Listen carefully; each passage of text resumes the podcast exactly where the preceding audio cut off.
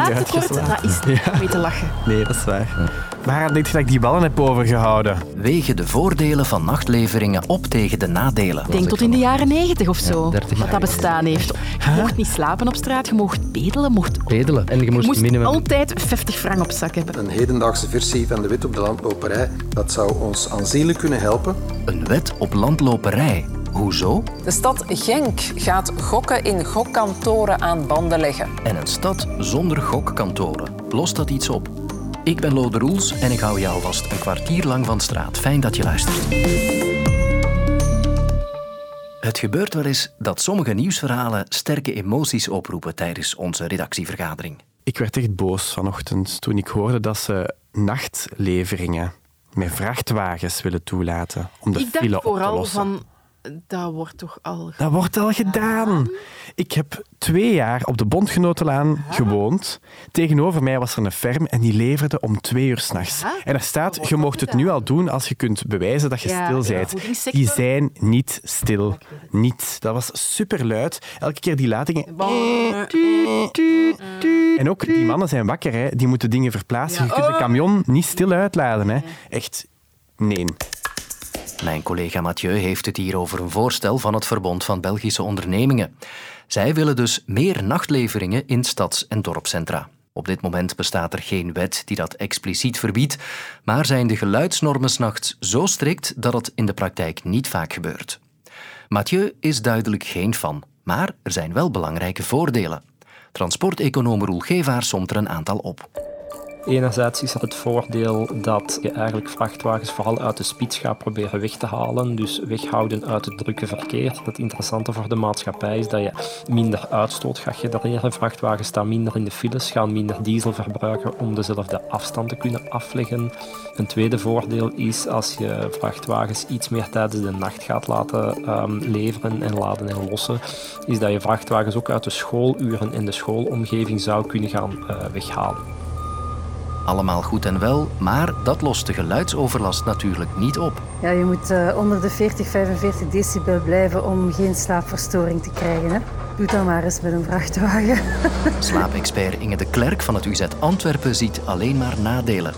Want als je s'nachts wakker wordt van dat lawaai, dan ben je 's ochtends natuurlijk minder uitgerust. Slaaptekort kost handenvol geld aan de gemeenschap. Hè. Er is nog altijd die fameuze randstudie in 2015 gebeurd, waar het uitgerekend werd wat de globale kost van slaaptekort was. En dus dat was bijvoorbeeld cijfers voor Duitsland en de UK waren tussen 50 à 60 miljard.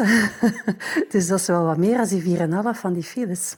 Een ander aspect dat ik nergens in de economische analyses hoor, is dat als we uh, bijkomend nachtlevering, moet zeggen bijkomende mensen die moeten s'nachts werken, chauffeurs, magaziniers, etc., etc. Dus dat wil zeggen meer nachtwerk.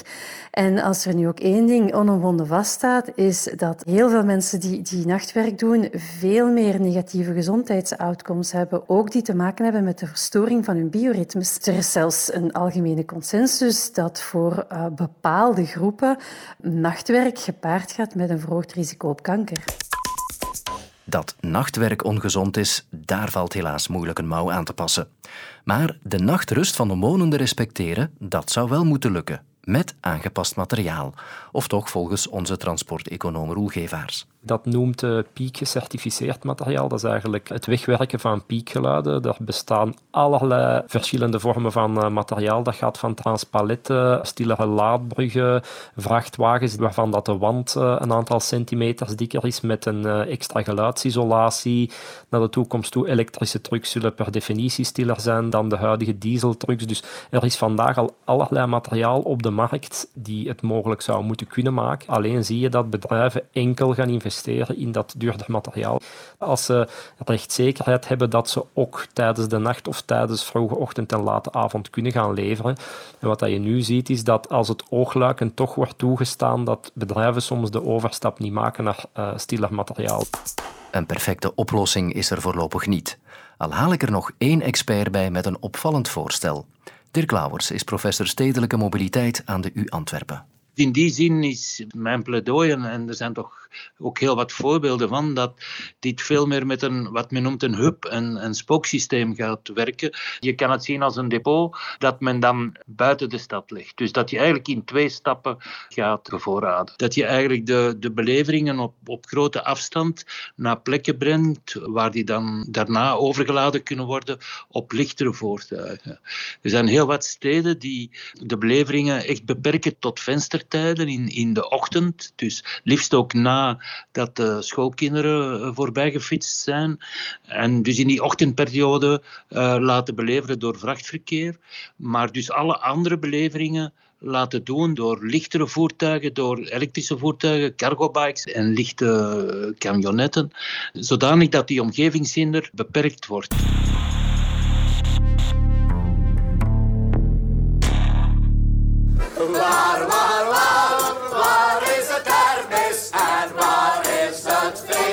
Er zijn wel wat landlopers de revue gepasseerd in ons collectief geheugen de afgelopen decennia. Waar bloeit langs de leien het eeuwige vlas? Brozy in de Paradijsvogels, Onnozelaars, kwak en boemel. Kwak en Boemel in de Jommeke-strips, Meneer Pastoor, je weet dat ik het goed meen. Wannestraps uit Wij Heren van Zichem.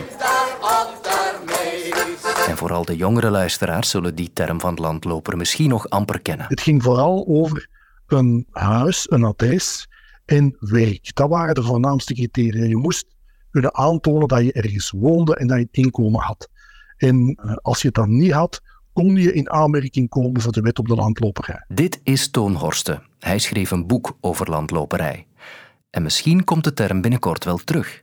Want Antwerps burgemeester Bart de Wever wil dat de wet op de landloperij weer wordt ingevoerd in een hedendaagse versie. En dat om overlast in de stad te kunnen aanpakken. Ik ben zelf ook vragende partij om eens naar de federale wetgeving op de landloperij te kijken. Die is afgeschaft. Naar mijn persoonlijke smaak was dat een vergissing. Ik denk dat wij via een, een hedendaagse versie van de wet op de landloperij eigenlijk faciliteiten zouden moeten kunnen voorzien. Dat zou ons aanzienlijk kunnen helpen om een aantal mensen, het gaat niet over veel individuen, eh, eigenlijk beter toe te leiden, hun leven te verbeteren. Hoe zo'n moderne versie van de wet op landloperij er zou uitzien, dat is nog onduidelijk. Voor 1993 was het wel duidelijk. Het was in België strafbaar om aan landloperij te doen. Je kon ervoor gearresteerd worden. Eigenlijk kwam het erop neer dat ze werden opgepakt, ze werden voor de rechter gebracht en die veroordeelde hen voor verblijf in een van de kolonies. Dat waren Wortel en Merksplas. En voor eh, vrouwen was het een kleine afdeling in Brugge. Meneer, jij bent eh, landloper geweest. Eh, hoe is dat gekomen? Op de loop gegaan, hè. Al zonder geld. eh, je doet er geld op, je drinkt en En die mensen kregen dan een, een, een termijn opgelegd dat ze daar moesten blijven. En die werd gelijkgesteld met een bedrag dat ze daar in de ateliers moesten verdienen. Als zij genoeg verdiend hadden, konden ze naar buiten en konden zij hun plaats in de wereld weer innemen. Wie in de jaren 80 is opgegroeid, kreeg dat ook wel eens als dreigement te horen van je ouders. Zorg maar dat je genoeg geld op zak hebt, want anders pakken ze je op voor landloperij. Goh, dat is eigenlijk de populaire vertaling van, van die wet. Hè. Je moest geld hebben om een brood te kopen. Ik moet zeggen, ik, ik, ik heb natuurlijk niet alle dossiers eh, van de mensen die daar ooit gezeten hebben, want dat zijn er duizenden, tienduizenden. Ik heb die niet allemaal gezien, maar ik ben nooit gevallen tegengekomen van mensen die thuis om brood vertrokken waren en in de landloperskolonie geëindigd eh, zijn. Er zijn dus twee mogelijkheden. Ofwel onbepaalde tijd toevluchtsoord, refuge. Ofwel een straf van minimum twee jaar tot maximum zeven jaar. Als je nu naar die kolonies kijkt, lijkt dat wat vreemd. Maar die instellingen hadden toen wel degelijk een plek, zegt Toon Horsten. De kolonies fungeerden eigenlijk als een laatste vangnet voor wie tussen alle andere vangnetten doorviel. Dat was het soort van, dat, dat, dat was het, het ventiel dat de samenleving gebruikte om problemen op te lossen met, met eh, mensen waar ze geen blijf meer weten. Dat ging over armen, maar dat ging ook over buitenlanders, over, over groepen binnen de samenleving ja, waar moeilijk een plaats voor te vinden was. De doorsnee landloper is een karaktergestoorde mens die in de samenleving zich moeilijk kan aanpassen, omdat onze samenleving ingewikkeld is. 30 jaar geleden werd de wet afgevoerd, omdat er zoveel kritiek op kwam. Er was al heel lang druk vanuit Europa om die wet op de landloperij af te schaffen, omdat Europa redeneerde van ja, die wet zegt eigenlijk armoede is strafbaar. Je kan veroordeeld worden, je kan opgesloten worden, louter en alleen omdat je arm bent. Heel plots is minister Onkelings heeft toen die wet afgeschaft, eigenlijk zonder goed hebben te beseffen dat er toch nog een paar instellingen waren die op die wet draaiden. En daar zaten toen toch nog enkele honderden landlopers. En die mensen waren eigenlijk veroordeeld op basis van die wet. Dus toen die wet werd afgeschaft, hadden die ook eigenlijk geen thuis meer. En dat had gevolgen die we vandaag nog steeds zien. Uh, het is wel zo dat er een paar mensen zijn die, uh, ook nadat die wet is afgeschaft, nooit hun vrijlating hebben aangevraagd. En één van hen zit nog altijd in de kolonie van, van Wortel. Dus die is veroordeeld op basis van een wet die al 30 jaar niet bestaat, maar hij zit daar nog omdat hij nooit zijn vrijlating heeft aangevraagd. We zijn als Belgen niet vies van gokken en wedden. En er zijn hier bij de VRT ook al heel wat uren reportage gedraaid over dat fenomeen. In ons land zijn er maar liefst 3250 wetkantoren en krantenwinkels. En ook nog eens 180 speelhallen met een vergunning om gokspelen aan te bieden. En die wetkantoren, daar wil ik het vandaag over hebben. Je komt ze tegen in elke Vlaamse stad. Je kan er wedden op bijvoorbeeld voetbalwedstrijden of paardenrennen en ze hebben namen als Circus of Ladbrokes. Als zij spelen, speel jij. Ladbrokes.be. Sport, casino, play safe, play fun. Maar in Genk zal je ze binnenkort niet meer zien. Net zoals de stad Geel onlangs al besliste, wil Genk geen vergunningen meer geven aan gokkantoren. Genk had zoveel krantenwinkels, zoveel wetkantoren. We waren de nummer één in Limburg en daarbuiten. Ja, dat kan niet de bedoeling zijn voor een stad. En we hebben al een heel kwetsbare bevolking. Burgemeester Wim Dries wil dus de meest kwetsbare inwoners beschermen tegen de gevaren van gokken. Maar gaat dat lukken op deze manier? Bij het Centrum voor Geestelijke Gezondheidszorg VAGA in Antwerpen vond ik expert Sarah de Meijer. Gokverslaving is een van de, van de thema's waar ik en mijn collega's rond werken, ja. En zij legt me uit waarom een gokkantoor op elke straathoek niet zo'n goed idee is. Een gokkantoor maakt het eigenlijk beschikbaar, hè? Het, het gokken. En dat is een van de dingen die we ook wel zeggen vanuit het uh, oogpunt van preventie. Als je verslaving wil uh, voorkomen of beperken, dan is het minder beschikbaar maken uh, van het product. En in dit geval gaat dat dan niet over hè, een, een, middel zoals alcohol of, of andere drugs, maar gaat het over het kunnen wedden ergens, het kunnen gokken. Als je de beschikbaarheid omlaag haalt, dan heeft dat doorgaans ook wel een positief effect. Oké, maar toch ga ik wat tegengas geven. Samen met Cedi Teken, de uitbater van enkele wetkantoren. Totaal verbod is nooit goed. Dan gaat men andere wegen vinden. Ik weet al van andere kanalen dat er vandaag de dag in Genk de illegale circuit hoogtijden begint te, te, te varen. Is dat inderdaad een risico? Ja, op zich klopt dat ook wel. Het is alleen niet het juiste argument om dan te gaan zeggen van wij mogen gewoon blijven bestaan. Ik denk dat het heel belangrijk is dat als je dergelijke kantoren toe blijft laten in je stad, dat je met hen ook in dialoog gaat. En eigenlijk zou iedereen, iedere actor die in dat werkveld actief is, ook zelf inspanningen moeten doen om te vermijden dat de mensen die gaan gokken problematisch gaan gokken. Er zijn verschillende manieren, tips die je kan meegeven aan mensen die zouden gokken om te zeggen van houd dat in toog. Bijvoorbeeld zie dat je nooit meer geld uh, inzet hier dan dat je echt kan missen. Zie dat je ook niet het geld op zak hebt gewoon. Of, of je bankkaart laat die thuis, zodat je zeker geen risicovol gedrag gaat stellen.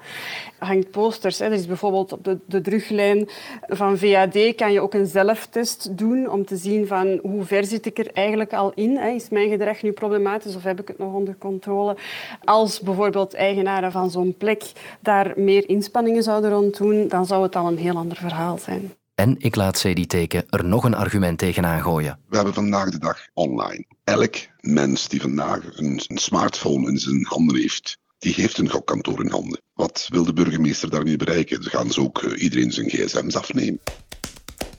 Klopt, hè. de online gokken is veel moeilijker om daar vat op te krijgen. Nu, daar is de wetgever ook wel mee bezig. Maar eigenlijk als een, als een, een stadsbestuur, een lokaal bestuur of een ander bestuur hè, dat probleem een beetje wil aanpakken, dan raden wij altijd aan om daar een totaal aanpak van te maken. Hè. Dus uh, verbod of bij uitbreiding wetgeving is een hele belangrijke poot daarin. Maar daarnaast moet je ook gewoon een aantal preventieve maatregelen nemen en voor zorgen dat je een goede toeleiding hebt hebt naar hulpverlening. En dat mensen sneller hun weg vinden als ze een probleem ervaren. Want dat is wat we nu merken. Er zit heel veel schaamte bij. Die geraken heel moeilijk tot bij hulpverlening. Als ze hier geraken, zijn het al heel moeilijke situaties. Zitten ze al tot over hun oren in, in de schulden bijvoorbeeld. Hebben ze al heel veel vrienden verloren doordat ze alleen nog maar met dat gokken bezig zijn. Het moet een totaalaanpak zijn, maar dat is best wel mogelijk. Mag ik dan besluiten dat alleen maar wetkantoren verbieden niet veel zal uithalen? Dat is een heel goede conclusie, ja. Ook wij sluiten nu de deuren, zij het voor heel even maar, want morgen zit Sophie hier met drie verhalen die dan nieuws maken. Voetbalnieuws gemist? Luister dan nu naar een nieuw seizoen van 90 Minutes. Gilles de Koster brengt voortaan de bal aan het rollen over voetbal. Nu in de app van VRT Max.